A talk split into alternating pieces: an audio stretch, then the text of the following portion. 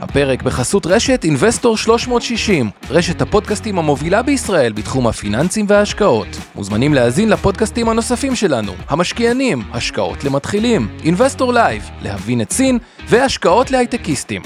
הופק ונערך על ידי שמע, פודקאסטים ויצירות סאונד.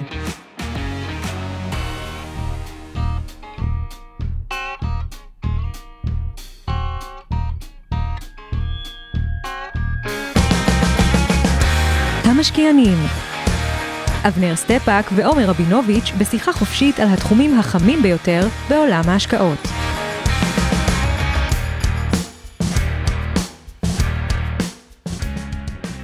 ערב טוב, עומר רבינוביץ'. ערב טוב לאבנר, והיום יש לנו אה, מפגש מעניין. אה, על מה ניתן ללמוד מסיפורה של מאנדיי, אה, אנחנו נארח את אה, אלירן גלאזר, ה-CFO של מאנדיי. אה, ואני רוצה שתיקחו מהמפגש הזה, אנחנו נרחיב אחרי זה על מאנדיי, אה, הרבה, אבל אנחנו נתחיל ללמוד את פינת המכפילים. ותמיד בפינת המכפילים אנחנו מזכירים את ה-S&P, שהוא מכפיל לאזור ה-TD 18.6, ואת הנסדק שהוא במכפילים קצת יותר אה, גבוהים, 28. עכשיו, אנחנו אומרים, בח... ב... אגב, מאנדיי במכפיל הרבה יותר אה, אה, גבוה עכשיו, ותמיד כשמדברים על חברות צמיחה יש את ה... המתח הזה, האם זה לא overpriced או, או את הצמיחה, אבל שני דברים אני רוצה שתיקחו אה, היום. נכון שהנאסד"ק מכפיל טיפה יותר גבוה, אבל כשאנחנו נדבר על מאנדיי, שהיא חברה שהיא מאוד מאוד צומחת, אה, ואחרי נגיד המספרים, תבינו, חלק מהמכפילים היותר גבוהים של הנאסד"ק, הם, אה, הם מוצדקים. כי באמת זה חברות שחלקן אה, אה, מאוד מאוד אה, צומחות, ולמה אני אומר את זה? יש הרבה שדווקא נמנעים לפעמים להשקיע בגלל המכפילים הגבוהים, ודווקא הסיפור היום, אני חושב שזה סיפור לימודי מאוד טוב על נושא של אה, צמיחה, ואני חושב שאם אני לוקח את המשקיע הישראלי הממוצע, כולל המוסדי, כולל מנהלי השקעות של מוסדי, הישראלים בדרך כלל לא מספיק יודעים להעריך אה, נכון אה, צמיחה, אבל בואו נתחיל ככה טיפה אקטואליה ונצלול למכפילים כן, ונעבור למדעים. נתחיל מאקטואליה ואני אזכיר רק, אתה התחלת עם נסדק ומכפילי רווח, אה, אנחנו אה, במקרה שמעתי לדבר על הרבה חברות כרגע עדיין על מכפילי הכנסות, עד שנגיע למכפילי רווח, אבל אה, סבבה. בגדול, אה, מה שאנחנו רואים כרגע זה, כן, בסך הכל, המגמה החיובית נמשכת, גם הערב כמובן אה, בבורסות, אבל בכללי, אנחנו מדברים uh, על uh, תשואות פנטסטיות מתחילת שנה ברוב השווקים, למעט, כרגיל, ישראל שאנחנו, לצערי עברנו למינוס, בדיוק היינו על, על הגבול הזה. כבר היינו בפלוס. כן. אז... אנחנו במינוס לפחות בתל אביב 35, מינוס 2 כן. אחוז מתחילת השנה, S&P 60 עדיין בפלוס קטן, או בגדול סביב האפס אפשר להגיד, או מינוס קטן, אחת הבורסות הגרועות בעולם, נרחיב בפינת ההפיכה המשטרית, או שזה לא לעכשיו? עזוב את ה... בוא נדבר ככה. אז ככה, ארצות הברית. S&P מכפיל 18.6, נסדק 28.7, ראסל 24.4, באלטרנטיבה תשואת האג"ח 3. 73. כמעט ללא שינוי. כמעט ללא uh, שינוי, יש איזה פרמיית סיכון לא מאוד גבוהה. מה שתמיד שווה להזכיר על האג"ח, מזכיר, הקום תשואות הוא מאוד מאוד תלוי הפוך, שזה מאוד נדיר, כלומר, אם היום על פקדונות בבנקים בארץ מקבלים את כיוון השש, תחשבו, אג"ח ארצות הברית 10 שנים נותן 3.70 ושלוש, כלומר האלטרנטיבה בקצר באג"ח היא אפילו יותר טובה מהאלטרנטיבה בארוך. שמה שזה אומר, שמשקיעים כבר מבינים שהריבית תרד, והם מוכנים לקבע תשואה יותר נמוכה לטווח הארוך, אה, ומוכנים ללכת גם על חברות טובות במכפילים קצת יותר גבוהים, כי כשהריבית תרד אז הם פתאום יראו באור יותר אה, חיובי. קצת תשואות מתחילת השנה, S&P פלוס 12.7, נסדק פלוס 34 בפער ניכר מעל אה, כולם.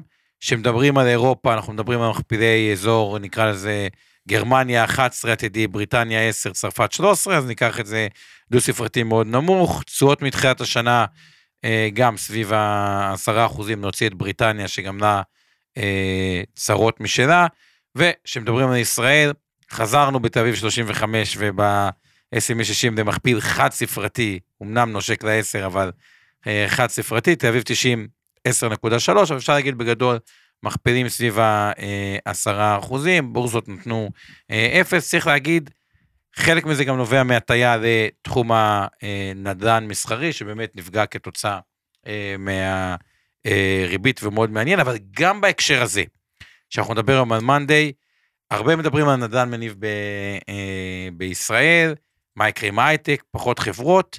הטענה שלי, שעדיין יש לא מעט חברות כמו מאנדיי, שנשאל איזה פרויקט ריאל, אבל עדיין מתרחבות מבחינת כוח אדם. מתרחבות מבחינת כוח אדם, אה, זה עדיין יותר אה, אה, משרדים ו, אה, אה, ושטח, למרות שגם בהקשר הזה יהיה מעניין לשמוע את זה, כל הנושא של עבודה מהבית והיברידיות, כל הדבר הזה הוא גם משפיע גם על הבורסה המקומית כנגזרת של אה, אה, אה, הנושא של אה, משרדים, וכשאנחנו מדברים על המזרח הרחוק, אה, סין מכפיל רווח עתידי אה, 10, גם בורסה שלא תפקדה כל כך טוב אה, מתחילת השנה, כמו ישראל באזור האפס, טיפה במינוס. יפן מפתיעה, אגב, אולי עשינו על יפן, אבל... אה, שהיה מעניין, אבל מפתיע, כי אם אני... 24% מתחילת השנה, שזה לא משהו שהיית מצפה מהשוק ה- היפני לתת כזו אה, אה, קפיצה גבוהה עם מכפיל רווח של אה, 14, עשה אני רק אה, פעמיים את ה-S&P. אתפרץ לך ליפן, שצריך להדגיש שגם בחמש שנים האחרונות בסך הכל היא תפקדה יפה מאוד ביחס לבורסות אחרות, 46 אחוז תשואה. זה שוק מעניין, כי מצד אחד אוכלוסייה מתכווצת, מזדקנת, לא מתחתנת וכו'. אה, דיברנו על זה כבר במפגש הקודם, וזה היה קצת אחרי שאני חזרתי מהשבוע טוקיו שלי. אני חושב שבגדול אה, עדיין שוק מעניין מכל מיני סיבות, אבל לא נצלול לזה עכשיו. מי שרוצה מוזמן להאזין לפרק יפן, זה היה לפני חודש, חודשיים. נכון. אמ, אני רוצה רק אה, שתי הערות אה, לפני שנגיע למנה העיקרית. הערה אחת על מה שאמרת על הנדל"ן. פה אני קצת חלוק עליך, אני חושב שהנדל"ן המניב בישראל הוא בצרות משתי סיבות. אני מדבר על משרדים, אוקיי? לא עזריאלי קניונים ולא זה. בעיה ראשונה, פשוט עודף היצע. בנו פה אינסוף. פתח תקווה, עיר מגדלים. ציר יגאל אלון, עיר מגדלים. מיליון ואחד אה, מתחמים מוויקס בגלילות ומאולד, כל מה שבונים עכשיו, ואין סוף. וכן יש ירידה, מאנדיי לא מייצגת במובן הטוב של המילה, כן, את ה, אה, כרגע את הסטטוס של שוק העבודה של שוק ההייטק, כלומר, כרגע אין מה לעשות, יש ירידה מסוימת בביקושים, יש גם קצת החלפות לפעמים של תקנים, אני רואה את זה אצלנו באיטורו, לא מעט תקנים מחו"ל שלפעמים מחליפים תקנים ישראלים, עדיין רוב העובדים שלנו גם ישראלים, אבל בואו, זה לא מה שהיה פעם. כנ"ל ליקווידיטי, אנחנו כבר עם אה, מספר הולך וגדל שעובדים בחו"ל, אין מה לעשות, זה, זה חלק מהעניין. ואני חושב שכרגע אה, גם מוקמים פחות סטארט-אפים וכולי, זאת אומרת, אני לא רוצה להיות נביא זעם, אבל לא חושב ששוק הנדל"ן הוא כזה אטרקציה היום אה, בהשכרות. שלא ייווצר שזה זה. מעבר לפריפריה. לא, לא, אני- אני מסכים עם אבנר, אני רק אומר, הנושא של מאנדיי כמאנדיי, מעבר לחברה והסיפור המרתק, הוא פוגש את המשקיע הישראלי, וגם, אגב, מעניין לשמוע את הנושא של סך הכל חברה ישראלית, הנהלה ישראלית, CFO ישראלי, שיושב בישראל, הוא פוגש את המשקיע הישראלי, גם בנושא של תמחור צמיחה, גם בנושא של להבין את הנסדק, או בכלל חברות טובות, למה הן שוות מכפילים יותר גבוהים, וגם פוגש את הסיפור הישראלי בהקשר של, אוקיי, אם יש עוד חברות כמו מאנדי, זה לא החברה היחידה בישראל, בנושא של שוק השכירות, ואני מסכים שיש בו הרבה בעיות, ואת הזה. טוב, שלא- עוד טיפונת אקטואליה בזריזות. אחד, שימו לב להבדל במכפילים בין S&P 500 לנסדק, וזה מדהים לראות את זה, כי גם מכפיל היסטורי וגם מכפיל עתידי, אנחנו רואים פערים עצומים יחסית. אה, כן, 20 מול 32, אה, מספרים כאלה. זה מדהים במיוחד, בהתחשב בזה שה-S&P הוא חצי ממנו בערך. טכנולוגיה, הוא גם ככה, זאת כן. אומרת, הפער בחברות הלא טכנולוגיות הוא עוד יותר גדול. אגב, שזה עושה אופטימיות לגבי ה-S&P, אני רק רוצה להסביר, כי מה שאבנר אמר פה הוא ממש אה, אה, חכם. בוא נניח שסתם, חצי מה-S&P והנסדק הם חופפים, אז זה אומר שאם ה-S&P במכפיל 18.6 עתידי והנסדק 28, זה אומר ששאר החברות במכפיל מאוד מאוד אטרקטיבי קרוב ומאוד יותר מאוד לעשר, כן. קרוב יותר ל-10, זה אומר שיש מקום גם לחברות השורה השנייה להתחיל את הרלי שלהם, או שלפחות הן מתחילות את זה מתוך מכפיל נמוך. וגם בהקשר הזה אני רוצה רגע להזכיר את מאנדיי, שתיקחו ככה כתובנה. אה, בחברות יש שתי דרכים להשקיע, בכלל בעולם ההשקעות. הטכנולוגיה, לדוגמה, מאנדיי, אבל תמיד נתתי את הדוגמה של גם דומינוס בעבר, חברות שיודעות לאמץ טכנולוגיה. כלומר, אם חברה מסורתית, אה, שנקרא לה היסטורית, הייתה עם שולי רווח יותר נמוכים, יודעת לקחת כלים מהסגנון הזה, ובעזרת זה להתייעל, לשפר את המרג'ין, זה עוד יותר תזה שורית על ה-S&P אה, בכללותו, כי בסוף תמיד יש אמרה שטכנולוגיה היא גם דיפ... היא לפריון יותר גבוה, לדיפלציה טכנולוגית אה, וכו' וכו'. נראה לי נתחיל לעבור למנה העיקרית, או שעוד... עוד משפט אה, אחרון, התפתח אקטואליה? פה שיח בצ'אט על למה הבורסה בתל אביב, הזכרנו שהיא אחת הגרועות בעולם, אז אה, שוב, אה, אתם מכירים כבר את עמדותיי ואת אה, פינות ההפיכה, אבל אני אזכיר רק היום, מכתב נגיד בנק ישראל לראש הממשלה, עם על כן כל נושא חוק הבנקאות, שאמור לעלות מחר להצעה אה, טרומית, אוקיי? ובסופו של דבר, בוא נגיד בכנות, יש פה איזשהו מאבק בין הפוליטיקאים לשומרי הסף, לרבות בנק ישראל. זה חלק מהעניין, משקיעים מאוד לא אוהבים את זה שמתערבים בעצמאות בנק ישראל, בלי קשר ל- להרבה דברים שצריך לעשות רפורמות במערכת הבנקאות, אבל אה, באופן כללי, נגיד את זה ככה, קורים דברים מוזרים כרגע, אה, זה חלק גדול מההסבר לתת אה, ביצוע של השוק בתל אביב, ונחזיק אצבעות שהכל יסתדר לטובה. נכון, אני רוצה לתת הערה אחת אה, כקונטרה למה שאבנר אמר. קשה למצוא... קונטרה, אני אביא לך קונטרה בריבוע, יאללה. לא, אני אומר רק דבר, תראו, חברת, מה טובה- קשה למצוא? כן. אין אין סוף חברות טובות. כשמצאתם חברה טובה במחיר טוב, בדרך כלל הנהלה טובה אה, וכו', יודעת לעשות התאמות להרבה מאוד דברים, ואין אין סוף רעיונות השקעה כאלה, ולכן אני חושב שלגבי הבורסה בישראל, מה שנכון זה לבחור בגישה סלקטיבית יאללה. אה, לזה. בוא Monday. נתחיל, מאנדיי. אז קודם אז כל, ערב טוב ונעים מאוד, אלירן גלאזר, CFO של מאנדיי. בוא נתחיל ככה קצת לספר טיפה רקע, ואז אה, על עצמך. קצת על עצמך לפני בדיוק, לפני מאנדיי. ש... כן. אחלה. אה, אז אני עוסק בעולמות של ניהול כספים כבר מעל 20 שנה. אה, תמיד בחברות הייטק גלובליות. ביליתי ארבע שנים בארצות הברית בין 2006 ל-2010, הייתי CFO של. חברה בשם טריאנה. להזכירכם, בניו כן, יורק דווקא 2008, אצלך אבל נמכרה באקסיט חמוד מאוד נכון, יחסית נכון, אתה לתקופה. של 2008. כן. למי שלא מכיר רק בואו תגידו מה זה טריאנה שואלים פה בצ'אט. טריאנה הייתה חברה של אה, Give Up Notification בעולמות של מסחר במטבע חוץ בין בנקים מאוד גדולים לבין גופים כמו Hedge Fund ו-Asset Managers. הכל היה נעשה בצורה ידנית. טריאנה עשתה אוטומציה, בנתה פלטפורמה שבה אפשרה לכל הצדדים לבצע את ה-matching, הרקונסיליאציה, איך להגיד, התאמה של העסקה באמצעות פלטפורמה. אני שולח לך הודעה, אתה שולח לי הודעה. זה היה אה, המודל של טריאנה, נמכרה באמת ב-2007, ב-250 מיליון דולר. אז זה היה נחשב סכום אז זה גדול. נחשב, כן, פרסום בעיתון. אה, מכרנו רק בעשרה מיליון, מיליון דולר, אז זה היה מכפיל לא רע, מכפיל של 25 על, ה, על המספרים. אמ, ובעצם נשארנו עצמאים לחלוטין עד 2010. אבל ב-2008, אני בתעשייה הפיננסית, 2008 המלדאון, הביג שורט, מי שמכיר את הסרט שמתאר את זה, אז זה, אה, הייתה תחושה שהעולם הגיע לקיצו, אבל לא, למדנו שם הרבה דברים. 2010 חזרתי לארץ, ובעצם עד 2018 הייתי מחוץ לאקוסיסטם הישראלי, עבדתי בחברה בינלאומית נסחרת בלונדון, אה, וב-2018 החברה שעבדתי בה נמכרה, אה, הייתי CFO של חברת לייטריקס במשך שנה ושלושה חודשים, ואז הגעתי למאנדיי בפברואר 2021 להוביל את ההנפקה. יפה. די הצליח, צריך להגיד, כן, ויחסית עוד לחברה שהונפקה בתקופה של אה, די שיא הבועה, נכון? זה היה ככה נכון. 21 בהייטק. כן, אה, גם... אז אה, בשונה מהרבה ישראליות שחטפו ונעלמו והתאדו ולא רוצה להגיד מה קרה, אה, באמת כן, חטפו פה, חזק, כן, אתם אה, נראים לא רע. כן, כן. כמעט, כמעט מחיר ההנפקה, נקרא לזה ככה. מעל מחיר ההנפקה. מחיר אה, ההנפקה כן. 155, זה המחיר המוצר, והיום נכון, ואתה אומר עושים- 166. אה, לא, אבל בהנפקה זה... ש- אוקיי, לא משנה, סביב המחירים פלוס אה, תפרגן. קצת. מעל תפרגן, כן. כן, מעל מחיר ההנפקה, הישג משמעותי, אגב, גם אם זה קשה היה... לו, קשה לו. אה, לא, ממש מרשים. למי שלא מכיר, אני, הרוב מכירים, אבל מה זה מאנדיי, וגם אולי נתחיל אחורה מהסיפור של מאנדיי. למה היא נוסדה, מה היה הקונספט, איך היא הגיעה, באמת, אה, אגב, למי שלא מכיר, 8 8 מיליארד דולר. דולר, שזה סופר מרשים, רק כדי להבין את התפיסת זה, כמו שווי שוק יותר גדול מח- מ- מרוב הבנקים בארץ. אז כן, אז איך זה מאנדיי- קרה? מאנדיי הוקמה על ידי רועי מן וערן זינמן. אה, שניהם באים מעולמות של טכנולוגיה, יזמים בעברם, שניהלו צוותים ונתקלו בכל מיני קשיים מבחינת productivity־ות.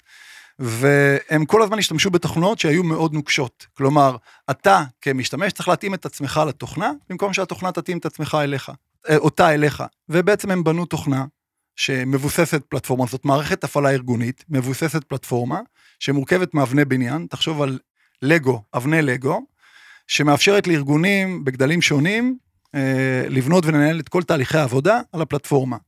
רק נגיד, החברה, יש לה קרוב ל-200 אלף לקוחות, אה, ב-200 תעשיות שונות, 70% מהתעשיות, אגב, שאנחנו משרתים, וזה מאוד מעניין, זה לא, לא חברות הייטק, זה תעשיות של אה, בנייה ושיווק ואנרגיה, construction ותעשיות שונות. אגב, איך הפידבקים מהלקוחות, הם ממש אומרים לכם, תשמעו, זה שיפר לי את, כאילו, הפרודקטיביות, שזה הרווח, או צריך פה, כאילו...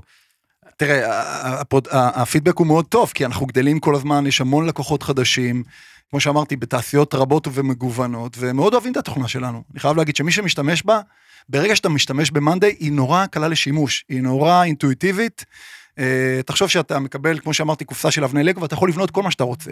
הדבר המדהים במאנדיי, וזה משהו שדיברנו עליו קצת, זה כשאני נותן לך את הפלטפורמה עם אבני הבניין, אתה בעצם בונה את התוכנה שמשרת את הצרכים שלך, איך שאתה רוצה לבנות אותה. לא מה שבהכרח אני רציתי למכור לך. וזה מאפשר חופש.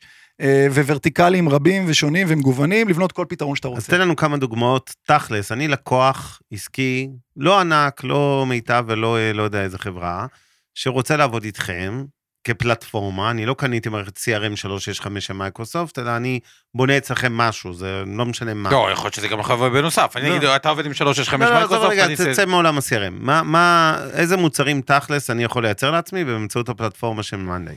אז אני אקח דוגמה, אתה מנהל רשת בתי מלון, בסדר? אז אתה כן. יכול ללכת לקנות תוכנת מדף אה, של ניהול בתי מלון, אבל היא בדרך כלל תוכנה שהיא די נוקשה, ובסוף אתה תצטרך להתאים את עצמך לתוכנה. אתה לוקח את מאנדיי, אתה מקבל את אותם אבני בניין שדיברנו, זה פלטפורמה פתוחה, ואתה מתחיל לבנות את המוצר שהוא מוצר חלומותיך. רק נזכיר, מאנדיי, למי שלא מכיר, זה בורדים שמורכבים משורות ועמודות. ואתה בעצם יכול להוסיף אין סוף שורות, לצורך העניין, ואין סוף עמודות, ל, ל, אני מדבר על אלפים, שבהם אתה בונה, אה, מוסיף לדוגמה אה, שירות חדרים, אה, צ'ק אין, אה, אתה מוסיף אה, אה, ניקוי, שירות ללקוח, אתה פשוט בונה את זה, וברגע שאתה מתחיל לבנות את זה, אתה הופך את זה לבורד שמשמש אותך לניהול בית המלון. אתה רוצה, עוד חברה גם יש הרבה בתי מלון באמת שמשתמשים בכם? כן, כן, בהחלט. יש חברה לניהול ציי משאיות, בכוונה אני נותן לכם את הדוגמאות הכי, חברה לניהול ציי משאיות, יש לה עשרות משאיות, או אפילו מאות, שעושות משלוחים, שיוצאות, יש נהגים, יש, יש משלוחים, וצריך להתאים ביניהם. אתה בונה תוכנה לניהול ציי משאיות, ואתה יכול לבנות חברה לניהול נדל"ן. אור שנמצאת פה איתנו, בנתה תוכנה לניהול כל קשרי הלקוחות ו-PR באמצעות מאנדיי. אז יש עשרות מקורות מדיה שהיא משתמשת בהם, שכל רעיון נרשם, כל דבר נרשם שם. בעצם היא בנתה תוכנה שהיא CRM, שנבנה על מאנדיי. זה לא היה במקור. לא למדה קוד תוכנה בשביל זה. זה דבר מאוד חשוב, התוכנה היא low code, no code. בעברית? בעברית אתה, לצופים לא- אתה לא? צריך להיות מתכנת ואתה לא צריך להבין בתכנות כדי לבנות את זה, אתה כן, זה עושה מה שנקרא- שוויקס נגיד הביא לשוק, כשאתה בונה אתר בלי להיות אה, גאון מחשבים. באנגלית זה נקרא drag and drop, זה כאילו אתה מושך כן. ומתחיל להרכיב את הלגו לגו שלך. זה. אה, וכמו שאמרתי, מזכיר 70% non-tech, בדיוק, 70% מהלקוחות הן לא לקוחות הייטק, הן לא חברות הייטק, בדיוק בגלל הדברים האלה. היא מאוד אינטואיטיבית, היא מאוד קלה ליישום, ולכן קל להם מאוד לבנות בה, ואוהבים אותה. אה, אז רגע, אני רוצה רגע, אז בוא, אה, צד לקוח אולי נרחיב, מה, האמת לפני המודל כאילו העסקי שלכם, על פניו, שאתה סתם, אתה אומר בית מלון כדוגמה, אוקיי? כן. יש חברות שהספ... כאילו ממש ספציפיות בניהול תוכנה לניהול בית מלון. נכון. אתה, אתה, אתה מצליח, וזה גם תחום עם stickiness מאוד גבוה וזה, אתה מצליח לנגוס בהם, גם אנשים לא כל כך אוהבים לעזור, כאילו לעבור CRM, אז כאילו, איפה אתה נכנס? כי אני גם, אתם גם נמצאים בחלק מה-enterprise, נכון? אתם לא רק חברת נכון, 200 אלף לקוחות, זה אומר שאתם קהל של SMBs, אבל קרוב ל, כן, 200 אלף לקוחות, כן, גם enterprise משתמשים בכם. כן, אז- אבל enterprise, נגיד לכל ה-500 כאילו חברות ב-S&P 500, הן משתמשות בסיילספורס או ב-365 של מייקרוסופט, אז איפה אתם בתמונה? אתם מתחרה שלהם? אתם שותף שלהם? כאילו, אוקיי, שאלה טובה, אז אני אסביר. יש סיגמנטים שונים של לקוחות. יש לקוחות שנקראים לקוחות קטנים, SMB זה מה שאנחנו מכירים, יש לקוחות שהם mid-market, כן, small and medium, יש mid-market ויש enterprise. אנחנו מגדירים לקוחות enterprise כלקוחות שמוציאים יותר מ-50 אלף דולר בשנה על העסקה עם מאנדיי. וזה רק להגיד, זה חברת SaaS, 50 אלף דולר בשנה, מעל 50 אלף דולר בשנה, זה מודל חוזר. מודל הערה, כן. מודל הכנסות חוזרות. אז ברגע שקנית, אתה בדרך כלל ממשיך לקנות בשנים הבאות. עכשיו, אתה יכול או לקנות חברה, או לקנות תוכנה מחברה שהיא יותר כבדה ליישום, שדורשת הרבה מאוד כסף בהתאמה, בהטמעה, וזה עולה לך המון כסף. או שאתה לוקח את מאנדל לצורך העניין, שהיא יחסית, שאתה משווה לסלספורס, דיברת על, סל, על סלספורס, הרבה יותר זולה, הרבה יותר ידידותית, היא לא דורשת הטמעה כל כך מהותית, אתה לוקח אותה, מטמיע אותה במאנדי. ברגע שהטמעת, אתה מתחיל לגדול בתוך הארגון. אז לאותם לקוחות enterprise, אנחנו צמחנו ב-75% ברבעון האחרון בלקוחות שהם מעל 50 אלף דולר, יש לנו מעל 1,600 לקוחות כאלה, וזה הופך להיות נתח מאוד משמעותי מתוך סך הכל ההכנסות שלנו, כבר קרוב מה שנקרא. ל-27-28% מההכנסות. אגב, כשזה בא, אז כאילו, מה ממלא, כאילו, מה ממלא ה-CRM, מה ממלא אתם, כאילו... מה- אני- מה- אני כאילו, אחדד פה רגע את הפלטפורמה. בדיוק, כן. אני אחדד פה רגע את הפלטפורמה. אז קודם כל, מאנדי החליטה, התחילה כניהול פרויקטים, מערכת לניהול פרויקטים, בדיוק. ומערכת לניהול עבודה. שזה יש הרבה חברות. כן, יש לך חברות שהן מתחרות, אבל זה חברת מוצר. מי המתחרים המרכזיים? לא פלטפורמה. נגיד בעולם הזה זה חברת אסנה או חברת סמארטשיט, שהן בעיקר יודעות כן. לעשות ניהול פרויקטים. מוצר. וזה חברה קשיח, זה מוצר קשיח. כלומר, אם אתה רוצה לקחת אותו לעולם של CRM, אתה לא יכול לעשות את זה כל כך. במאנדיי יש לך פלטפורמה הוריזונטלית, כלומר, אתה רץ על הפלטפורמה, ואז אתה בנית מוצר לניהול פרויקטים, ואז בנית מוצר לניהול CRM.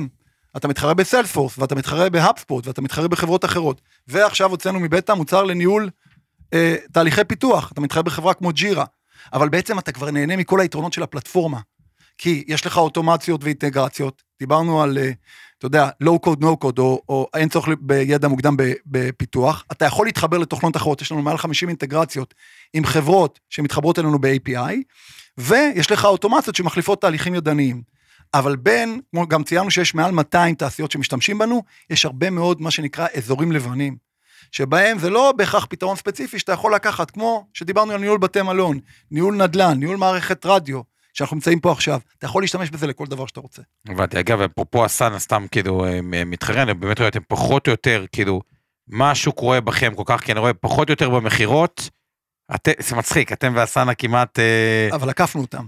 בדיוק אותו מספר. אה, שווים כפול. כאילו. מה? ושווים כפול כמעט. כן, אז תן אולי באמת, כאילו, מה השוק. לפחות השוק, אני לא יודע אם זה, מה מה השוק רואה בכם שהוא לא רואה בהם? כמה דברים, קודם כל שיעורי צמיחה, אנחנו צומחים בשיעורים הרבה יותר גבוהים מהם, מהסאנה, צמחנו ברבעון האחרון 50 אחוז. הדבר השני, מאז ההנפקה, וזה דבר נדיר, לא רק לחברה ישראלית, בכלל, מאז ההנפקה ב-2021, אנחנו לא שרפנו מזומנים, ייצרנו מזומנים, למעשה יש לנו 935 מיליון דולר בקופה. אנחנו, נכון, חלק מזה זה מההנפקה, אבל כן. כן, לא, אבל ייצרנו מזומנים מההנפקה, בוודאי, בהנפקה הבאנו סכום כסף, אבל מאז ייצרנו מזומנים. אה, אנחנו היינו רווחיים ברבעון אה, הרביעי, וגם אמרנו שאנחנו נגיע לרווחיות יותר מהר ממה שציפינו, כלומר בסוף השנה הזאת אנחנו כבר רווחיים. אנחנו מייצרים מזומנים כמו שאמרתי, צומחים בשיעורים הרבה יותר גדולים, ובאמת מתחילים ליצור דיפרנציאציה במוצר, הפלטפורמה מול המוצר. אז הרבה יותר ויותר משתמשים בנו, ואתה יודע, גדלים אה. מאוד אה, במספר לקוחות. יפה, אז פה הזכרת מילה פלטפורמה והזכרת מילה מוצר. אז קודם כל SaaS, בוא נעשה רגע כן. סדר לכל האנשים. SaaS זה חברות שהמודל רווח שלהם זה מה שנקרא recurring אה, revenue, ARR, אה, או כל מיני אה, הכנסות חוזרות, ובגלל שהן חוזרות צפי יותר טוב, ובגלל זה מוכנים לשלם נכון. מכפילים יותר גבוהים. יחד עם זאת, בתוך העולם הזה תעשה סדר, כי יש תוכנות שהן B2B, B2B Enterprise, B2B כן. ו-SMBs, יש חברות שאתה אומר הן יותר חברות מוצר, כמו דוקוסיין, שהיא. מוצר, ויש חברות שהן יותר אה, פלטפורמה ויותר פתוחות, והזכרת את- את המונח API, אז תעשה סדר בו, כאילו, למה, לד...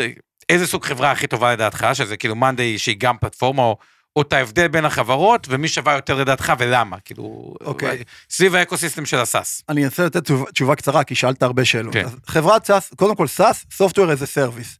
תוכנה כשירות, בסדר? המודל הוא מודל חוזר, מודל מכירות חוזרות. מה זה אומר?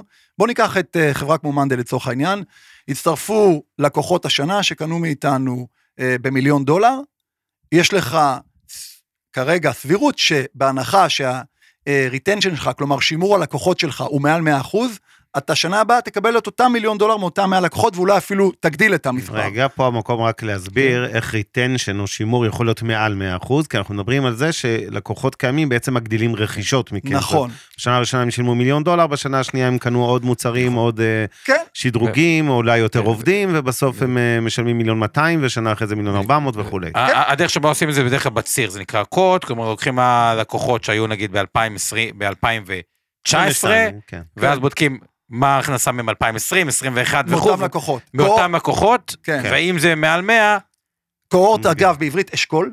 בציר, בציר. בציר? אשכול, לא, אשכול, בציר, אני בציר. בציר. אתה הבאת 100 לקוחות בשנת 2020, לצורך העניין, בראשון לינואר 2020, נגיד נשארו לך 90 לקוחות בראשון לינואר 2021, אז ירדת ב-10%, אבל יכול להיות שמבחינת אותם הכנסות. 90 לקוחות הם קנו הרבה יותר. הם קנו עוד סיטים, הם קנו עוד רישיונות, ואז אתה, המספר שלך גדל. אז יש לך מספר לקוחות, ויש לך את ההכנסה שאתה צובר מאותם לקוחות. אז ככה, בוא ניקח חברות SaaS, דיברנו על חברות SaaS, אז זה חברות הקלאסיות הכי טובות, זה חברות שיש להן multi product, כלומר מספר רב של מוצרים שהם יכולים להציע כדי לא להיות תלויים במוצר אחד, ומוכרים אותו ללקוחות שונים, ואותם לקוחות או קונים רישיונות נוספים במוצר הבסיסי שהם קנו, או קונים מוצרים נוספים של אותה חברה. זה הכי טוב. כי אז, ברגע שאתה עובר לשנה שנייה, אתה לא צריך להשקיע במאמצי המכירה. כי הלקוח הוא כבר שלך, אתה בונה אתה את עושה לו צבר upsells הלקוחות. עם אותו זה. נכון. אבל רגע, אתם, אתה אמרת, הזכרת, אתם מוכרים seat ים, אז אסטרטגיה, אה, אז המודל אה. העסקי שלנו הוא למכור רישיונות למשתמשים לחודש. כלומר, אתה קונה, אתה משלם תשלום קבוע, נגיד, אני אומר לך, אתה משלם 10 דולר למשתמש לחודש, בסדר? מינימום, יש לך שלושה משתמשים, ואתה יכול לגדול כמובן, אה, את- והאסטרטגיה היא היא לשמור אותו מחיר ולהציע כל פעם הצעת ערך יותר גבוהה, או גם להצליח לעשות... כן, יש לך tier ים. שונים. יש לך אה, מוצר בסיסי, יש לך מוצר מתקדם, יש לך מוצר שהוא, קוראים לו Pro, ויש מוצר Enterprise. מוצר Enterprise זה מוצר שמכיל פיצ'רים ויכולות הרבה יותר רחבות, אה, קישוריות, אוטומציות, אינטגרציות וכולי. בסדר? אז, אוקיי. זה, אז החברה הקלאסית, החברה שהיא מוכרת אה, רישיונות שהם מתחדשים מדי שנה, ויש לה מוצרים רבים להציע. זה חברה אחת, יש זאת חברה, בדרך כלל אתה מוכר את זה לארגונים, זה B2B, לשאלה שלך על B2B. יש חברות שמוכרות לפרטיים, זה B2C. Business to Consumer, לדוגמה, חברה שמוכרת מוצרי משחקים, חברה כמו לייטריקס שמוכרת אה, אה, אפליקציה בעולמות של וידאו ופוטו, עריכה של תמונות ווידאו, אה, אז הם בדרך כלל מוכרים ללקוח קצה, זה מכירה יותר קשה, כי בדרך כלל לקוח קצה, או שהוא לא מחדש את הרכישה, אה, או שאתה צריך להגיע לכמות מאוד גדולה של לקוחות. שזה וזה- כמו אפל ונטפליקס כן, וכאלה. כן, זה אפשר קשוח. להגיד ככלל שעסקי ה-B2B לדעתך, ב software, הם עדיפים על ה-B2C כ... כן, בטח, בטח. ו- זה- לראיה כמות ההנפקות, אתה רואה שחברות בדרך כלל שמנפיקים B2C, זה בעיקר חברות content, נטפליקס אה, אה, וסרטים, או חברות מוזיקה כמו ספוטיפיי. אתה פחות רואה חברות שהן לא חברות מעולמות המשחק שמנפיקים אותם, זה קשוח, זה קשוח מאוד. אוקיי, אז כן. B2B, אוקיי, אז אמרנו... B2B Enterprise זה החברות שמוכרות לארגונים הכי גדולים בעולם, כמובן, מייקרוסופט, סרוויס נאו, למי שמכיר, כן. חברה כמו סיילספורס, הן מוכרות לארגונים, חברות של עסקאות של עשרות מיליונים, או מיליונים עד עשרות מיליונים. בדרך כלל הארגונים הגדולים הללו, למה זה לכאורה הכי טוב? כי זה ארגונים יציבים, הם לא יחליפו מחר את סיילספורס, יהיה בחברה בלתי אחרת. אפשרי, בלתי אפשרי. כן. אנחנו עושים את המסלול הזה, אני אגיד רגע, אקח את זה רגע למאנדיי, אנחנו מוכרים לכל החתכים השונים. כמו שאמרנו, לקוחות קטנים, לקוחות בינוניים ולקוחות גדולים, אבל אנחנו, מה שקורה, אנחנו הרבה פעמים מגיעים ללקוח קטן, מתחילים במכרז של עשרה, אה, עשרה רישיונות, ובעצם גדלים עם הלקוח, ואחרי כמה שנים יכולים להגיע לכמה אלפים. אז זה- אגב, יש לכם בעצם כל הסגמנט שיותר... כן, באמת, התחלתם עם מלון, אם הופך לרשת, התחלתם עם חברת אה, סטארט-אפ שהופכת כן, לעסק אה, גדול, זה מסביר את ה retention 120. יש, יש לנו חברת משחקים שהתחילה כחמיש, כחמישה לקוחות, והיום הם כבר כמה אלפים רבים. אגב, סתם אם אני אשאל את זה, את ה retention rate, נגיד, של כן. סיילספורס, אתה מכיר, או שכאילו חברות... אה, בחברות הטובות נחשבות שהריטנשן רייט שלהם הוא מעל 100%, כי אז זה אומר שא' לא איבדת לקוחות בנטו והגדלת. אנחנו לדוגמה בלקוחות, בכלל הלקוחות שלנו זה מעל 115%, כלומר אם מכרתי ב-100 דולר ללקוחות שלי בשנה, בשנת 2000, אז בשנת 2001 אני מוכר כבר ב-115 דולר. כן. לקוחות הגדולים זה מעל 125%, ככה זה היה בסוף רבעון כאילו ב... ראשון, כי, כי זה לקוחות שהם הרבה יותר יציבים. הבנתי, עכשיו, אוקיי, גיוס לקוחות חדשים, גם פה יש שוני בין החברות, יש נכון. חברות שיותר עוסקות בגיוס, מה שנקרא על ידי אה, שיווק, וויקס מזכירה את זה אה, יותר, אה, מה שנקרא, וגם הרבה בורחים שה-cost of acquisition clients באופן כללי בשוק עלה. לרכוש לקוחות, אגב, גם בעולמות הגיימינג, בכל עולם ה privacy וזה, איך, איך הולך הגיוס לקוחות שלכם יחסית לחברות דומות, כן, או, או בכלל, יחסית לשוק? לנו יש מודל משולב, זה מודל היברידי. אני אזכיר שיש לנו קרוב ל-1,600 עובדים, ומעל 50% מהם זה אה, עובדים שקשורים בארגון המכירה הרחב, שזה שיווק, מכירות, שותפים, ומה שנקרא customer success, כלומר, אנשים שעובדים על לקוחות ומרחיבים את הפעילות שלהם. customer success זה ה-retention. כן, אוקיי, זה- בין היתר. גם. מכירות זה retention. ואז מה שאתה רואה בעצם, זה מודל היברידי, זה מודל משולב שאומר, מצד אחד, מסך כוח, סך הוצאות המכירה והשיווק שלנו, בערך 30 אחוז בגדול, זה online marketing, כלומר זה שיווק באמצעות גוגל, באמצעות פייסבוק, באמצעות יוטיוב, שבו אתה מביא לקוחות חדשים אל הפלטפורמה שלך. זה 30 אחוז. בערך 70 אחוז נותרים, 65-70 אחוז, זה בעצם ארגון המכירות. זה מודל היברידי כי אתה לא תלוי רק בלהביא לקוחות חדשים לאתר שלך, ואז אתה כל פעם צריך להשקיע בהם, אלא ברגע שהם הפכו להיות לקוח שלך, ארגון המכירות מגדיל את המכירות לאותם לקוחות, ולכן יש לך מה שנקרא expansion, התרחבות מאוד גדולה עם הלקוחות האלה, אתה מוכר להם יותר. אז המודל שלנו הוא מודל שמשלב בין השניים, גם performance אה, marketing וגם ארגון מכירות מאוד משמעותי, וזה הופך היום להיות יותר ויותר לצד של הארגון המכירות. יש חברות שהן מבוססות רק online marketing, זה חברות שזה יותר מאתגר, כי א', מחירי הפרסום עולים, ב', ה churn הוא יותר גבוה, הנטישה של לקוחות יותר גבוהה. למה מחירי הפרסום באמת כל כך עולים? מכיוון שיש תחרות. אתה יודע, בסוף זה עניין של היצע וביקוש. היום, תחשוב שאם אתה מסתכל על ה... איך אני אגיד את זה בעברית, על ככה תהליך המכירה, יש לך client, את רכישת הלקוחות, client acquisition, יש לך את ה retention שלהם ויש לך את המוניטיזציה, את ה... להגדיל את התגמול שלך מהם. בעבר היו מאוד מתמקדים בעולם של רכישת לקוחות, וכשהרבה מאוד חברות מתמודדות על רכישה של לקוחות, על אותם לקוחות, אז אתה, מי שמשלם יותר, מגיע ליותר לקוחות. ומי שמשתמש באמצעים יותר, אה, או channelים, או, או דרך social media, כמו, תחשוב על אינסטגרם, תחשוב על פייסבוק, הוא משלם יותר כסף, תחשוב על טיק טוק. אז ככל שהתחרות יותר גדולה והביקוש יותר גדול, זה עולה יותר כסף. עכשיו, אני אגיד שבשנה האחרונה כן הייתה קצת ירידה, כי המצב הכלכלי משפיע בעולם. אה, כן, גם אומרים לחברות, תרוויחו כסף, אז כל אחת לא. צריכה להרגיע את ה budget של המחיר. אז המודל העסקי השתנה. ציינתם את זה בתחילת, כן. אה, אולי זה. אז, לפני שנה, דיברנו על הנפקות של 2021, אמרו צמיחה בכל מחיר. נכון. בואו נרביץ כסף כמה שיותר על פרסום, על שיווק, ונביא לקוחות. נכון, כי מה, מה, כי היה כסף בלתי מכירות. לא, אז, אה, כי ריבית אפס גם. הייתה נכון, ריבית. אפס. אתה יודע, היו צריכים להשקיע כסף. מה קרה בשנה האחרונה? א', שיעורי הריבית עלו.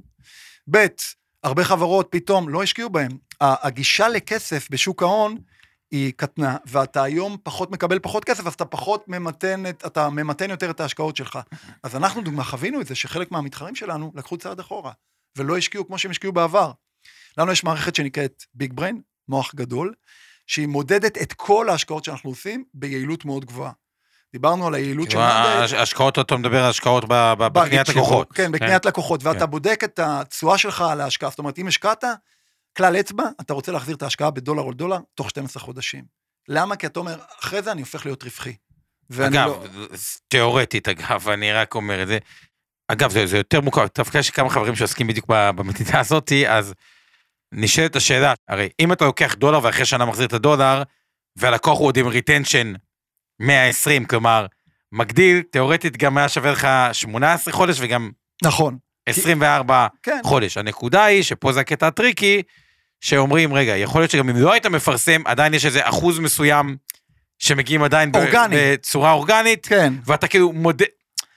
ו- ו- ומניע, אבל, אבל אוקיי, תמשיך, תמשיך רגע, אתה אומר, זה משולב. המספר הטוב, כאילו חברות שיודעות להחזיר תוך 12 חודשים, את, ה, את האונליין, 12 חודשים, את ה online marketing, כלומר את הפרסום באמצעות ערוצי ה social media, זה חברות טובות. זה חברות טובות, ותוך כמה חודשים אתם מחזירים? אז אנחנו מחזירים בעולמות של הפרסום המקוון הזה, אנחנו אונליין, אנחנו מחזירים במדדים האלה. באזור 12 ה-12 חודשים, אבל יש לך גם, יש לנו ארגון מכירות, שם המספרים, יש מספרים ב SaaS, בעולמות של SaaS, שנקראים באנגלית Magic Number או Sales Efficiency, יעילות ההכנסות ומספר הקסם, שבדרך כלל אומרים, בוא תגיד לי כמה הכנסות הבאת, כמה הוצאת בהוצאות מכירה ושיווק, אם אתה באזורים של ה-20 חודשים, אז זה בסדר. עכשיו, יש תקופות פחות טובות, שאתה יכול לקחת 24 חודשים, יש תקופות יותר טובות, שאתה יכול גם 16-18 חודשים, כמו בתקופת הקורונה, אבל באזורים הללו, זה מאוד טוב, ואז אתה מתחיל לראות את הרווחיות. ברור, כי אם- אם יש לך גם retention מעל 100, זה, זה החזרים נכון. מטורפים, כי אם הלקוח נשאר 10 שנים, נגיד אפילו אולי 24 חודש, ישר 10 שנים, עשית 500 אחוז תשואה על הכסף. נכון. וזה העולם של הסאס. ה-ARR הזה הולך ומצטבר, ואתה לא צריך להשקיע כל הזמן בשביל להביא יותר כסף מהלקוחות הקיימים. אוקיי, לא. אז הזכרת את המושג רווח, אה, הזכרת במוקדם יותר הערב שמאנדי מתוכנן ב-2025, אה, להרוויח ממש בכל ההגדרות אה, השמרניות של המושג רווח, נקרא לזה ככה, כי יש כל מיני כן. אה, מדדים לרווח. אה, אבל אני רוצה לשאול אותך, אתה יודע, הרבה מהצופים המאזינים שלנו ספגו אה, מלא מעט חברות, כמו וויקס ואחרות, שמכרו בעצם את התזה, אפרופו הנפקות של פעם, של, ושהשוק ציפה לצמיחה בכל מחיר. אז אמרו, אוקיי, נלחץ על הגז, על דוושת הגז של השיווק, נוציא מאות מיליוני דולרים לשנה, או תאורטית עד אינסוף, כל, כל cash flow שאנחנו יכולים על שיווק. אה, זה יעשה לנו צמיחה מהירה מאוד ב top line revenue, ב-ARR הזה, בהכנסות למעלה, ותמיד אנחנו יכולים אה, ללחוץ על, על הברקס חזרה, להוריד חזרה את הוצאות השיווק, אז אל תדאגו שאנחנו מפסידים כרגע כסף. אנחנו די בקלות נלחץ, אה, נוריד את ההוצאות שיווק מ-500 ל-100 מיליון דולר, והרוב ה-400 הזה יעבור לנו לרווח, והכל סבבה. וראינו שבמבחן המציאות, הרבה מהחברות האלה שלחצו על דוושת הברקס ולהוריד את הוצאות השיווק שלהם בשנתיים האחרונות, אגב, זה עבד דווקא בוויקס לא כזה גרוע, הם באמת לא, לא, הטיסו. את הרווח.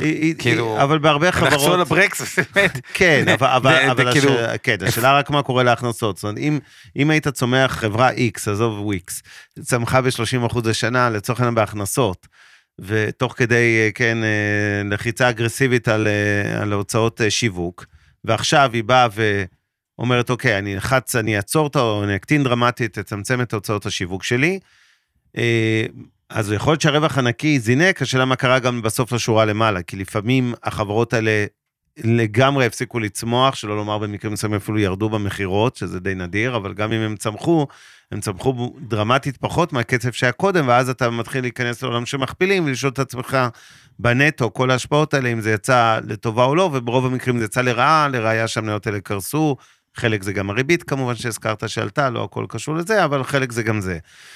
למה שמשקיעי מאנדיי ירגישו רגועים שלא אה, יהיה התרחיש הזה? זאת אומרת, אתה מדבר על רווח בעוד אה, כשנתיים, פלוס מינוס, שנת 25. השנה נדמה לי פרסמתם צפי של הכנסות קצת מעל 700 מיליון דולר, אם אני זוכר נכון, הכנסות למעלה, שורה עליונה. אז זה אומר שאתם נסחרים בערך במכפיל 11, נקרא לזה, על הכנסות, ה-8 מיליארד חלקי ה-700 הזה. מה, איפה הביטחון, נקרא לזה, היחסי, שוב, אנחנו לא, זה, זה אולי המקום, שת- אתה יודע מה, עוד רגע הערת האזהרה, כי אנחנו חייבים להגיד את זה, שכל מה שעושים פה, א', א', מידע צופה פני עתיד, ב', זה לא ייעוץ השקעות, לא המלצה לקניית מניה, לא של מאנדיי ולא של אף חברה אחרת, וצאו מנקודת הנחה, שאי שם בקופות הגמל, פנסיה, השתלמות, קרנות הנאמנות, תעודות הסל ותיקי השקעות של מיטב, או בתיקי השקעות וקרנות הנאמנות של אינבסטור, אנחנו מחזיקים מניות מאנדיי, ולכן יש לנו אינטרס לה- להתעסק איתה הערב, וכמובן אנחנו נשמח שהיא תעלה. ואחרי כל זה, חזרה. לעניין, לשאלה שלי, מה נותן לך להרגיש את הביטחון בזה שמאנדיי תרוויח מספיק כדי להצדיק שווי של 8 מיליארד, ובשאיפה גם יותר אם המניה תמשיך לעלות. קודם כל זו שאלה מצוינת, ואני יכול להבין חלק מהאכזבות של הרבה משקיעים בעבר, בלי לתת ציונים לחברה כן, כזאת כן, או אחרת. ברור. לגבי מאנדיי, אם אתה מסתכל על מאנדיי מההנפקה, אנחנו מדלברים, כלומר אנחנו אה, מבטיחים ועומדים ביעדים שלנו. אז אמרנו, אז אני ככה אחדד כמה נקודות. קודם כל אנחנו ממשיכים לצמוח בקצבים יפים. אני אגיד רק שלפני הקורונה, אנשים שוכחים, לצמוח ב-25-30 אחוז בשנה היה מדהים. אנשים שוכחים את זה, ראו את ה-60, 70, 80 אחוז, זה בלבל קצת את כולם. והמשקיעים כל הזמן אמרו לכולם, צמיחה בכל מחיר, אל תדאג לשורת הרווח. אני כן. מנהל שיחות עם משקיעים ואנליסטים בשנתיים וחצי האחרונות, אני שומע את הסנטימנט. אנחנו אמרנו מההתחלה, אנחנו מתמקדים בצמיחה יעילה. כלומר, לא רק שאנחנו רוצים לצמוח, אנחנו רוצים גם לשפר את השורה התחתונה. ואתה יודע, בצניעות אני אומר את זה, ויכול להיות שזה ישתנה בהמשך, הוכחנו את זה. כלומר, צמחנו בשיעורים יפים, מה זה אראה- יפים? 80, ת- כאילו, שתבינו, כשאומר יפים זה, ה revenue בשנה האחרונה צמח ב-60 אחוז, נכון שזה פחות מהממוצע של 88 בשלוש שנים האחרונות, כן, אבל אבל יש גם scale, כן. 60 אחוז כן. בשנה זה עדיין רווח הכנסות, מדהים. הכנסות, הכנסות. ובכל אחד מהרבעונים, quarter, כל אחד מחמשת הרבעונים האחרונים, השורה התחתונה גם משתפרת. משתפרת תחזיות. אז אנחנו גם צומחים בשיעורים יפים בהכנסות, אבל אנחנו גם מייצרים מזומנים, יש לנו קרוב ל-935 מיליון דולר, לא שרפנו מזומנים, וגם אנחנו רווחים, אני אדגיש רק משהו לגבי רווחיות. אנחנו אמרנו שנהיה רווחיים, יש כללי חשבונאות מקובלים שכוללים או לא כוללים את ההוצאות בגין אופציות ומניות לעובדים. כאילו. אנחנו רווחיים כשאתה לא כולל את ההוצאות האלה, ואמרנו שנהיה, במקור אמרנו שנהיה רווחיים ב-2025 במדד הזה. אנחנו כבר בשנת 2023 נהיה רווחיים. כלומר, שנתיים לפני המועד המתוכנן. אנחנו גם אמרנו שנייצר מזומנים עד אז, וכבר אנחנו מייצרים מזומנים, וייצרנו מזומנים בשיעור של מעל 20% ברבעון הראשון. עכשיו, בסוף, תראה, כן, כן, כן, רק לחדד את זה כי זו נקודה חשובה. מאנדה יצרה אה, תזרים מזומנים חיובי של 82 מיליון אה, דולר ב-12 אתה- חודשים האחרונים. שנייה, אה, ארבעה רבעונים. הסיבה שזה מראה הפסד, זה כי מה שנקרא stock based compensation היה יותר גבוה מזה, וזה כאילו יורד. תגמול אבל עוני החברה... לעובדים. כן. תגמול עוני, אבל עוני לא החברה, עוני. מייצרת קאש. החברה מייצרת מזומנים, וגם התגמול העוני, בסוף אנחנו רוצים להכניס אותו לתוך המספרים ולהציג רווחיות מלאה, אבל, אבל בסוף, אם אתה מסתכל על הנתונים של מאנדיי, מי שעוקב, מי שמסתכל על שמונת הרבעונים האחרונים מאז ההנפקה, אנחנו מתקדמים גם בהכנסות, גם משפרים משמעותית את שולי הרווח ומתחילים להיות רווחיים, וגם מייצרים מזומנים. זה אינדיקציה, ואני אגיד עוד דבר, אבנר, כי זה חשוב. מאנדיי זה חברה שהיא מאוד uh, חדשנית. ואנחנו לא מסתכלים רק שנה קדימה, מסתכלים שנתיים, שלוש, ארבע שנים. עכשיו, הצופים יכולים להגיד, תקשיב, עוד אחד שאומר לנו, אבל אנחנו באמת מסתכלים על איך אנחנו מייצרים צמיחה בשנים הבאות. אז זה האסטרטגיה שלנו של מוצרים רבים, הפלטפורמה, השימוש בתוכנה. תראה כמה לקוחות יש לנו, אנחנו גדלים בצורה מאוד משמעותית, גם במספרים. אנחנו כולנו מפוקסים לעניין הזה, ובסוף, בעלי המניות, כש... אני, אני אגיד גם משהו שהוא קצת counter, שהוא קצת אה, לא טריוויאלי. אחרי ההנפקה של 2021 היה פה חגיגות, כולם רקדו, ואתה יודע, כן. ecosystem. מאנדיי הגיע ל-400 דולר. אני אגיד את זה בכנות, היא לא הייתה שווה 400 דולר למניה, לא כי כן. אני חושב שמאנדיי לא חברה מדהימה, אלא כי המכפיל היה אז מכפיל מאוד גבוה. כן, מראש הונפקה במכפילים... אה, כן, אבל מדהימים. כל התעשייה הייתה במכפילים מאוד מאוד גבוהים. אנחנו נגיע לשם בדרך שצריך להגיע לשם. אז אנחנו באמת סומכים, וגם צריך להגיד את זה בצניעות, כאילו היו הדברים שהיו לא נורמליים בעבר. כן? ואני חושב שמה שקרה זה שהחברות היותר טובות ממשיכות להציג ביצועים טובים, ולכן הם ימשיכו לצמוח, ומתחבר למה שעומר אמר בהתחלה, אלה חברות שהן יחסית, חברות שהן יותר טובות להשקעה, מבלי לתת ציון לחברה כזאת או אחרת, ואני מאמין שאנחנו אחת החברות הללו. טוב, גם השוק אה. מאמין, לא רק אתה מאמין. אה, אני אה, רוצה לחזור, כן. לא, אגב, בהקשר הזה סתם, אני מסתכל טיפה כאילו valuationות, וכאילו, דווקא מאנדיי היא, קטע טריקי, כי כאילו אתה, 8 מיליארד זה כאילו הרבה, אבל כשאתה מסתכל על חברות כמו סיילספורס, היא שווה 200 מיליארד, כן. אינטואיט, שמי שלא מכיר, זה עשה די לקח את תעשיית ה... נקרא לזה הראיית חשבון, ל-SMBs, אה, ודי השתתה על השוק הזה 126 מיליארד אה, דולר. אז כאילו, כשחברה תופסת ונהפכת להיות מה שנקרא פלטפורמה, או ממש המרקט לידר אה, בתחום שלה, על פניו נראה שיש פוטנציאל מאוד מאוד אה, אה, גדול, או, או הרבה מקום לצמיחה. השאלה היא, היא- ופה לחדד, כאילו, האם אתם באמת יכולים להיות סוג של אינטואיט, או סוג של סיילספורס, שלוקחים כאילו, גם, כי אתם התחלתם מה-SMBs, אני לא מכיר, יש הרבה חברות שאני רואה, התחילו מ enterprise, כמו סיילספורס, והלכו לעולם ה-SMBs. האם אתה באמת חושב שיש לכם בכלל פוטנציאל, או מכוונים את זה להיות בגדלים של סיילספורס, או, או, או, או למקומות האלה, או ה- האם זה בכלל אפשרי, או בכלל ב vision, או שאתם יותר ממוקדים באיזה נישה? ב vision אנחנו חושבים בגדול, אז, אז אני לא יודע אם בהכרח סיילספורס, אבל יש חברות מעולות כמו סרוויס נאו, שהיא חברה הרבה יותר יעילה מסיילספורס, אינטואיט חברה מצוינת, אנחנו מסתכלים על החברות האלה, הפלטפורמות, כמודל אה, מודל לחיקוי, גם אטלסיאן, חברה אוסטרלית מצוינת שאחראית לייצור של ג'ירה, זה מודלים של חברות בהחלט, אז עומר לשאלה שלך, כן, אנחנו רוצים להיות כאלה חברות ששוות עשרות מיליארדים, לא יודע אם מאות, אתה יודע, מאות זה עוד הרבה כן, מאוד לא, שנים. סרוויס נאו היא מאה- היא מעל 100 מיליון. חברה אה, נפלאה. מה היא עושה למי שלא מכיר ששם? חברה שמוכרת תוכנה לעולם ה-IT, פלטפורמה אה, יוצאת דופן, באמת, חברה מצוינת. פלטפורמה אה, שהיום מוכרת כבר מוצרים שונים בעולמות של IT אה, ותמיכה. אבל אני אומר ש, שבסוף זה הכיוון של מאנדי, ככה אנחנו, אנחנו חושבים בגדול, חולמים בגדול, רוצים להגיע לשם, אה, וזה הכיוון. מה יכול למנוע מכם להגיע לשם, עם צמיחה וזה? כי- מה הדברים שפועלים רגע נגדכם, או מגמות, או על פניו אתה צ- צמיחה מאוד מאוד טוב, וככל שאתה צומח מתישהו גם שולי הרווח, זה אמור לפגוש שולי רווח כן. אה, עולים. מה בעצם הסכנות שאתם רואים, הסיכונים, המתחרים, או בכלל, הייתם מגדיר אתכם market leader בתחום שלכם, או שיש מישהו שהוא מתחרה, כאילו, אנחנו חושבים שיש כמה מובילי שוק, אין חברה, אנחנו לא, זה לא שוק שיש בו אה, מוביל שוק אחד, אנחנו בהחלט חלק ממובילי השוק, אם אתה דיברנו על שמות כמו אטלסיאן וסמארטשיט ואסנה, אז אנחנו כבר עקפנו את אה, אסנה, Smartsheet זה חברה מעולה, אבל אנחנו כבר מגיעים לאזורים הללו. אה, מה מונע בעדנו? אני אגיד מילה execution, כלומר, לעשות, אה, אתם יודעים, בסוף חברה שמבצעת את התוכנית העסקית שלה וחושבת לטווח הרחוק, אבל מבצעת את התוכנית, זה בעיניי המפתח. כלומר, להמשיך לייצר מוצרים, אה, להמשיך להסתכל על יעילות, לגייס אנשים. תקשיב, בסוף אתה לא מגיע להיות חברה של 2 מיליארד דולר, 4 מיליארד דולר עם 2,000 איש. אתה צריך 10,000 איש, כי יש מדדים בסוף, הכנסה לא עובד, אז אתה צריך לפעול בעולם גלובלי. אתה צריך להקים משרדים בכל עולם ולגייס אנשים. זה חשוב. אז uh, בעיקר הדברים הללו, אני חושב שאנחנו מבינים מה צריך לעשות, וצריך גם מזל, אתה יודע, זה לא כן. רק זה, זה תלוי בנו, אנחנו מרגישים שזה תלוי בנו, מקווה שנגיע לשם. הזכרת כוח אדם, כל מה שקורה בישראל בשנה האחרונה עם הקיצוצים, חלק גדול מזה עוד מהמשבר הגלובלי. אה, מקל עליכם עכשיו בגיוסים? אתם מרגישים שיותר פשוט אה, לגייס היום הייטקיסטים? תראה, אני אגיד לך אמירה גנרית קצת אולי, אנשים טובים, תמיד קשה לגייס, באמת. אה, אה, יש מחסור בטאלנט, אה? זה נכון. כן, בישראל יש מחסור בטאלנט, יש פה אנשים יוצאי דופן, אז הם בדרך כלל ימצאו עבודה. זה יותר קל מבחינת שבעבר, עד לפני אולי כמה חודשים, זה היה שוק של עובדים בלבד. היום השוק הוא יותר מעסיקים מעסיקים, עובדים. עבר, כן. אני לא יודע אם הוא כן. מעסיקים טהור, כי שוב, אם אתה עובד טוב, אתה יכול למצוא מקום עבודה. אני מרגיש שיש קצת, קצת יותר קל בתחומים מסוימים אולי, באיזה תחומים?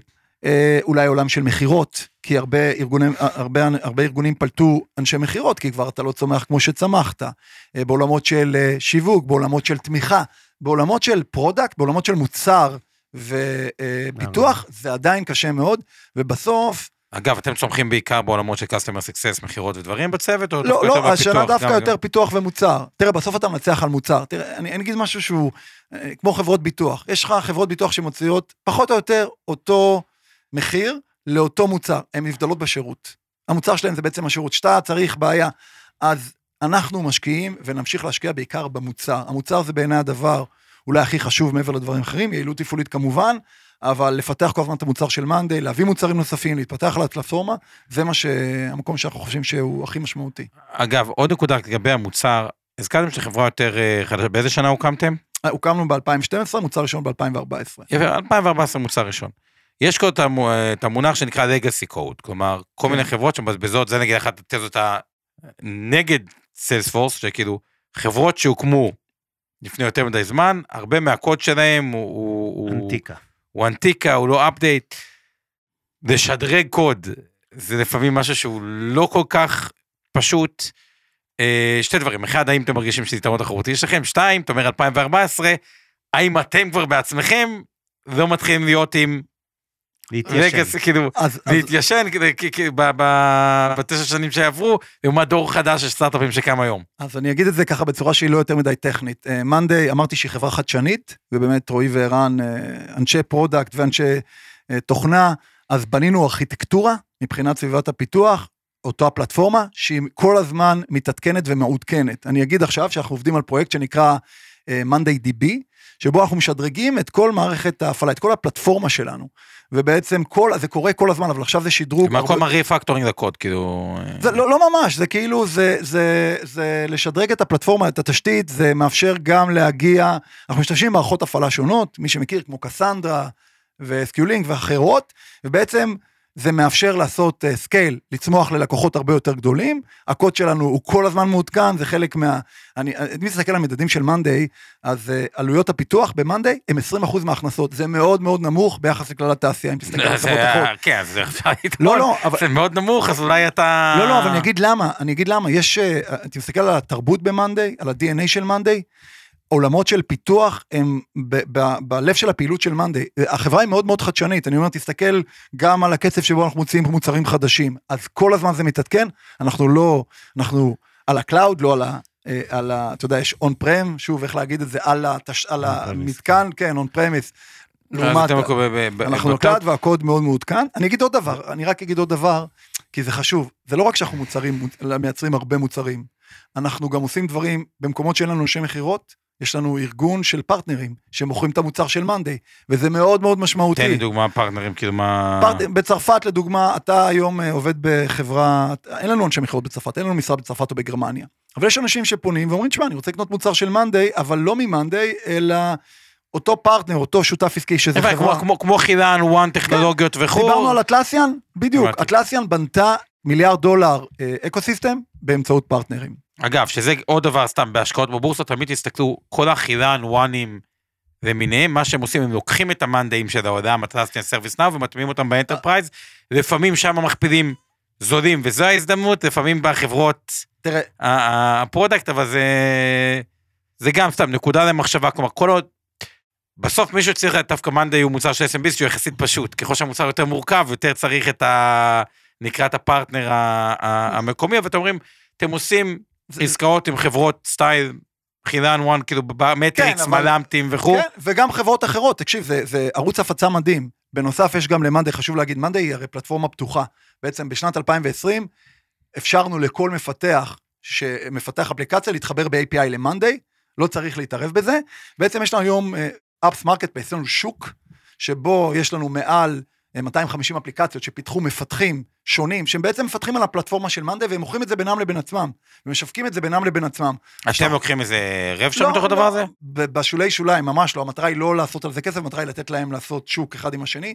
אז כשחושב על האסטרטגיה של מאנדיי, אז יש לך אסטרטגיה של מוצרים על אגב, הפלטפורמה. שזו החלטה מאוד אמיצה, גם לתפיסתי, מאוד חכמה. תחשוב כאילו, על אייפון, אייפון, כל מי שמפתח. על אייפון ושם כל אפליקציה על אייפון, אתה האפליקציות, בדיוק, אתה הופך את. משפר את המוצר שלך ומשפר את גם... הסטיקינס, כי. מספיק שלקוח, הוא נמצא על איזה שתי אפליקציות שהם בדברים אחרים שמתמשקות למאנדיי, והוא מרוצה מהאפליקציות, ולא מרוצה ממאנדיי, הוא עדיין נשאר במאנדיי. נכון, אבל תחשוב גם מה זה עושה לך מבחינת אסטרטגיה רב-שנתית. אתה אומר, אני מפתח מוצרים רבים על הפלטפורמה אחד, אני מפתח מוצרים נוספים ליד הפלטפורמה, יש לנו Monday Forms, יש לנו Monday Canvas, שזה אה, whiteboard, זה כאילו, שזה מוצרים שהם לא על הפלטפורמה, אבל הם מביאים לקוחות. יש לך את ה-Apps Marketplace, שהוא מאפשר למפתחים, ויש לך את השותפויות העסקיות. בנוסף, יש לחברות שמתחילות לקחת את המוצרים של Monday, לשווק אותן באופן עצמאי. כלומר, יש חברה שלקחה מוצר של פת- בנתה עליו פתרון נדל"ן ומוכרת אותו לצדדים שלישיים. כלומר, אתה- והם משלמים, אז הם משלמים גם את המנוי של החברה וגם את המנוי של אז אנחנו. נהנים מהמנוי, אבל הם נהנים מהכסף. בסוף אתה יוצר אקו-סיסטם מאוד כלומר, משמעותי. סתם, הוא בנה נגיד מוצר construction כדי שאנשים יבינו, אז נגיד מאנדיי עולה 10 דולר, הוא ימכור את זה ב-50 דולר, כן, הוא ייקח 40, מאנדיי יקבל את המנוי. בסדר? אז מה שקורה, אתה לא רק בונה מוצר אחד, אתה בונה סט של עולם, אתה יודע, עולם של אקו-סיסטם שבו אתה מוכר מוצרים, מוכר שירותים, משתמש ב partners, אה, מאפשר לאפליקציות, אתה יוצר אקו-סיסטם סביב המוצר של מאנדיי, וזה מעלה לך את ה distribution. מדהים. משפט אחרון רגע, שנייה. משהו רגע, אחד, כן. AI אי אפשר שלא תראה, גם שמעתי את הדוחות. הכספיים האחרונים יאללה. שלכם, אה, והזכרתם את המילה AI, מי לא כמו כל מזכיר. אותה? המילה הכי hype-ית בעולם בשלושה שמרגיש קצת הייפ נדוש ו- אה, וכו'. ובכל זאת, זה יתרון או חיסרון? יתרון. חיסרון, ו- ו- ו- ולמה אתם נהנים מזה, ו... אתה יודע מה, תחזור על מה שהיה בתוך הדוחות כספיים, זה מה שאני אגיד על זה, כאילו, מה אמרתם ב...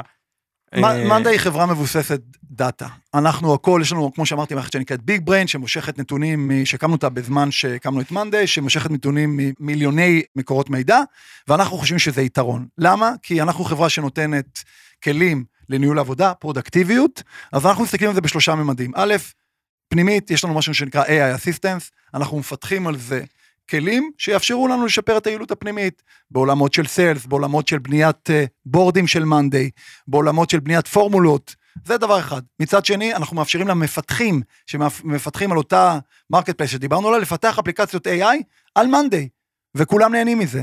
הדבר השלישי, אנחנו מפתחים כלים פנימיים, לדוגמה, היום אתה מתקשר לתמיכה, מדבר איתך בן אדם. אנחנו מפתחים צ'אטבוט, שבא ובעצם עונה לך בצורה אוטומטית, זה מבוסס AI, ואנחנו מאפשרים לך להשתמש, לדבר עם הצ'אטבוט הזה, אז זה מוריד את הצורך שלנו בשיחות ארוכות, בתהליכים, מה שנקרא, ידניים, ועל הביג בריין, אותה מערכת שדיברנו, גם ה-customer success שלכם מתייעל. מתייעל, וגם אתה אומר, זה עובד בשבילי ב-customer success, אז אני אעשה את ה-customer success של הלקוח עצמו. כן, עומר, אתה, אתה מנהל בית השקעות שבאת להשתמש במאנדיי, כן, נגיד לצורך העניין, אוקיי. ואתה בא ואומר, אוקיי, אני רוצה עכשיו לבנות בורד של מאנדיי למנהל השקעות. אתה לוחץ על הכפתור, והוא מוציא לך איזשהו בורד כזה, כבר קיים, אתה לא צריך לבנות אותו. זה באמצעות Machine Learning, AI, אז זה סוג, מסוג הדברים, עם כל מיני פורמולות, אנחנו רוצים שהדברים יהיו מאוד פשוטים. אני רק אגיד משהו אחד כללי על AI. אני לא יודע איך להתייחס לזה בגדול, אני פה מדבר כאדם פרטי, כן. זה משהו שאנחנו רואים בזה הזדמנות והתייעלות, וחברות שהן established, מבוססות, ייקחו את זה למקומות טובים, אני מאמין, אבל זה גם מאיים על תעשייה של סטארט-אפים. למה? כי, כי תחשוב שהיום אתה הולך ומקים סטארט-אפ, אז אתה, יש לך product market fit, ואתה צריך לגייס כסף, ואתה צריך למצוא את הפתרון שעונה לאיזושהי, אתה יודע, בעיה שיש בשוק. יבוא היום מישהו, ייקח עשרה מפתחי AI, שאולי זה כבר כמעט commodity, יפתח את הפתרון הזה בתקופה מאוד מהירה.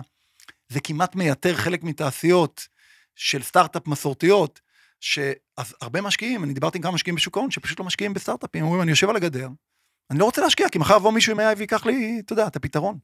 תחדד טיפה, אוקיי, או בכל זאת, כי אתה אומר פה... בוא נגיד, אני עכשיו אה, בניתי, אני רוצה לבנות מוצר שהוא marketplace לעולמות של content ו designer, בסדר? לכאלה כותבי תוכן ומעצבים, בסדר? היום יש לי ChatGPT, כן? או יש לי את Bard של גוגל, ואני כבר לא צריך לקחת את אותם מפתחים ומעצבים שיבנו לי אפליקציות של תמונות ווידאו וכולי. אני אשתמש באותן אפליקציות AI שיצרו לי את זה. יבנו אתרים, יצרו אפליקציות אז, וידאו.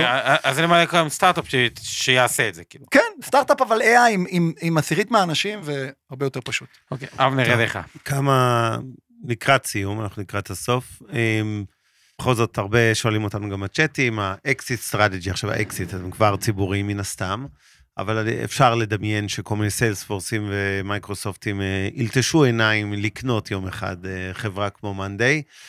מהצד. השני, אתם חברה מאוד ישראלית, המטה ישראלי, 60 אחוז ויותר מהעובדים שלכם פה בישראל, מתוך נדמה לי 1,600 סך הכל. אה, ואתם מאוד מקפידים על זה, וכל הנהלה ישראלים, נכון? כמעט ללא יוצא מן הכלל? כן, או... כן. אה, אוקיי, שזה די סיפור יפה ומיוחד גם אה, בהייטק של היום, במיוחד שהרבה מהבעלי מקצוע בתחומים, בתפקידים הבכירים, קשה בכלל להביא מהארץ. כמה אתם תסחבו כחברה עצמאית בנסדק, אה, בלי להירכש על ידי איזשהו שחקן אסטרטגי כזה או אחר? כמה שאפשר, לא רוצים להירכש, באמת, אני, אני מדבר, יש פה חלום גדול. כן. ואני אומר את זה גם בכנות, החלום הוא שם ואנחנו רוצים לרדוף אחריו, ויכול להיות שבסוף, אתה יודע, לא נצליח, אבל מבחינתנו רוצים להיות חברה עצמאית, לבנות פה חברה משמעותית. תראה, בעשור האחרון, עזוב, השנתיים האחרונות רגע, לא הונפקו הרבה חברות, ועדיין, אתה יודע, כמות החברות שנסחרות מעל עשרה מיליארד דולר, יש חברות מצוינות, זה צ'ק פוינט, זה סולאר אדג' ואחרות, הן בודדות. כן. ומתי נגיע פה ל-20 ו-30 מיליון מיליארד דולר, סליחה, שווי של חברות? אז אנחנו רוצים להיות בין החברות שיגיעו לשם, איך- לפחות אה, לנסות. בהקשר לזה, איך- איך היזמים המייסדים, הם עדיין חדורי מוטיבציה כמו בהתחלה? הם רעבים, תשמע את הפודקאסט שלהם, הם סטארט-אפ רעבים, או סטארט-אפ. נכון. אז אנחנו עשינו פודקאסט על ההנפקה, אגב, מעל ההנפקה, אני וערן עושים את זה, ורועי וערן עושים פודקאסטים נוספים. הם רעבים כל הזמן, הם אנשי, אתה יודע, הם חולמים בגדול, והם, אה, וזה מחלחל לתוך הארגון, כולנו כאלה. סיפור יפה מאוד, אני חייב להודות. אה, מעורר אופטימיות וגם השראה. אה, אני רק לקראת סיום, היו לנו כמה הערות שאלות מהקהל. תענה למה שאתה יכול, שזה לדעתי כמעט הכל, האמת. אז קודם כל באמת יש פה הרבה ככה שיח על אה, כן רכישה וסיילספורס אני מבין שהשקיע גם אצלכם בשלב בפרי-IPO לפני נכון. הנפקה בזמנו וכולי. אז זה כבר די אה, התייחסת. למרות שסיילספורס קצת שינתה את האסטרטגיה נכון. שלך, קראתי את זה, זה- סיילספורס היה מאוד מעניין. היא אמרה, אני משקיעה אה, עסקת minority, אני הופכת לשותף עסקי, אני מטמיעה, יהיה טוב פידבקים טובים, מה שקרה עם Slack, Salesforce Ventures זה נקרא, נכון. נכון. קונים. ואז הם, המנכ"ל שם אפילו אמר, אני לוקח, אה, איך נקרא המייסד שלהם, של אה, מרק? בניון, בניוף. בניוף, כן. בא ואמר, תקשיב, אני לוקח את האחריות עליי, צמחנו יותר מדי מהר, אני אני שגיתי. יש להם אתגרים לא פשוטים. אה, יפה. והפוקוס שלי עכשיו הוא על צמיחה אה, יעילה. אגב, רואים את זה בזה שמפתיעים בדוחות הכספיים לטובה, וקצת נטשו כאילו את אסטרטגיית רכישת נכון. המאנדאים על ידי סיילספורסים כזה, אבל יכול להיות שזה ישתנה בהמשך. הם שילמו 27 מיליארד דולר על, על Slack בהייפ, שזה זה לא היה. סכום אדיר, כן. נכון. טוב, כמה פידבקים על המפגש שלנו הערב, שים לב, יש פה הערות חמודות. קודם כל, אה, אודי, אה, תאזין לפודקאסט המייסדים רועי וערן רציניים כמוהו, כמוך, תענוג לשמוע אותם. אה, תמיר, רואים ושומעים אותו, מבינים איך החברות הישראליות מגיעות לטופ העולמי, זה בחור רציני, תמיר, אז אה, תודה. קח את זה ברצינות. תודה, תמיר. אה, אודי מעדכן שמאנדי בדיוק שחררו כבר את המאנדי דיבי הזה שהזכרת. נכון, אוקיי. הוא- אבל יש gradual release, יש כמה שלבים. אוקיי, כן. זו הפלטפורמה החדשה. אה, איזה כיף ומתסכל מאידך לשמוע ולראות בחור מוכשר ורהוט כזה, כשברקע כל העילגים והבורים, סליחה, משתלטים, זה הטקסט שלו, לא שלי, על המדינה ומחריבים כל חלקה וסיכוי לעתיד. טוב, אה, אבנר עם. דעותיו ידועות. אני עוקב אחרי. מאנדיי בדיווחים השוטפים ובפודקאסט, גם מושקע, מאמין גדול בצוות, הם תותחים אחד-אחד. אמ, זה בגדול הדברים העיקריים, אני לא רוצה להיכנס ל... יש דברים יותר גרועים ממה שהקראתי, כן. לא, לא חלילה שלי מהחברה, אבל אתה יודע, אנחנו באווירה תודה של- רבה. היית- תודה. אה, אה, אז אני רק אגיד אגב, דווקא כן. אפרופו AI, B2B software, כאילו שזה נכון גם לגבי מאנדיי, גם נכון. לגבי סיילספורס אגב, שזה אצלה, אגב גם לגבי אינטואיט באיזשהו מצב, תכלס החברות האלה מחזיקות כמעט את כל הדאטה על מלא חברות, כאילו על המכירות, נכון. לדעתי אתם די, כאילו כל הסגמנט הזה, עזבו רק את מאנדיי, הוא, הוא עם הכי הרבה דאטה, הוא די בנוי ככל ש... זה כלים פרודקטיביים אה, אה, לתפוס, אבל זה נראה, סיכום נראה לי שכל אחד בככה משפט אני יצאתי. אופטימי, תודה רבה שהיית איתנו, אני חושב שהיה מצוין. אני חושב שגם, אה, כמו שאפשר להבין מהפידבקים, אנשים אה, מאזינים וצופים התרשמו. לי היה מאוד. כיף, אני חייב כן, להגיד. אה, אגב, טיפ- שלך אגב רגע, עזוב רגע את המשקיעים שרוצים את המאנדיי. משפט אחרון דווקא מתוך הניסיון שלך ליזמים או זה שחברות ישראליות שאתה אומר מתוך מה שאתה היית גם בחברות קודמות וגם במאנדיי שאולי ככה אתה יכול לשתף או זה כ... אתה חייב, כאילו בעיניי, אה, אתה צריך להסתכל לא רק על התחום שאתה עובד בו, אתה צריך להכיר את התעשייה שאתה עובד בה, אתה צריך שיהיה לך פרספקטיבה רחבה על העולם הפיננסי, להבין, בעולם שלי, בעולם כ-CFO, אז אני לומד הרבה מאוד, אני שומע הרבה מאוד פודקאסטים, אני שומע גם אתכם, שומע גם פודקאסטים אחרים, אתה חייב שתהיה לך פרספקטיבה רחבה, כי כשאתה מדבר עם אנשים, משקיעים, אנליסטים, יזמים, אתה צריך להראות להם שאתה מבין בעולמות של טכנולוגיה, כספים, שיווק, אז אני חושב שכל מי שמתעסק בעולמות כאלה צריך uh, לשמוע ולהאזין וללמוד ממקורות שונים. אה, אחלה טיפ. יאללה, אז אנחנו כרגיל אה, מודים לכולכם שהייתם איתנו. אנחנו מזכירים תמיד, תעשו טוב, זה חוזר עם ריבית והצמדה. זה. הסלוגן שלנו. אה, תודה לשיר פלדמן, אלופה שתמללה לנו בלייב, אה, לחרשים, לקויי שמיעה וכל מי שרוצה לראות כתוביות. תודה אה, לצוות של אינבסטור, אורן ברסקי, עמי חלמיש, למה אני אומר? עמי ארביב. ואור חלמיש. ותודה לך, טובה, שהיית איתנו פה על ההפקה. וזהו, אנחנו ניפרד אה, אה, אה, וניפגש בשבוע הבא, כרגיל. אז לילה טוב. הפרק בחסות רשת אינבסטור 360, רשת הפודקאסטים המובילה בישראל בתחום הפיננסים וההשקעות. מוזמנים להאזין לפודקאסטים הנוספים שלנו, המשקיענים, השקעות למתחילים, אינבסטור לייב, להבין את סין והשקעות להייטקיסטים. הופק ונערך על ידי שמע, פודקאסטים ויצירות סאונד.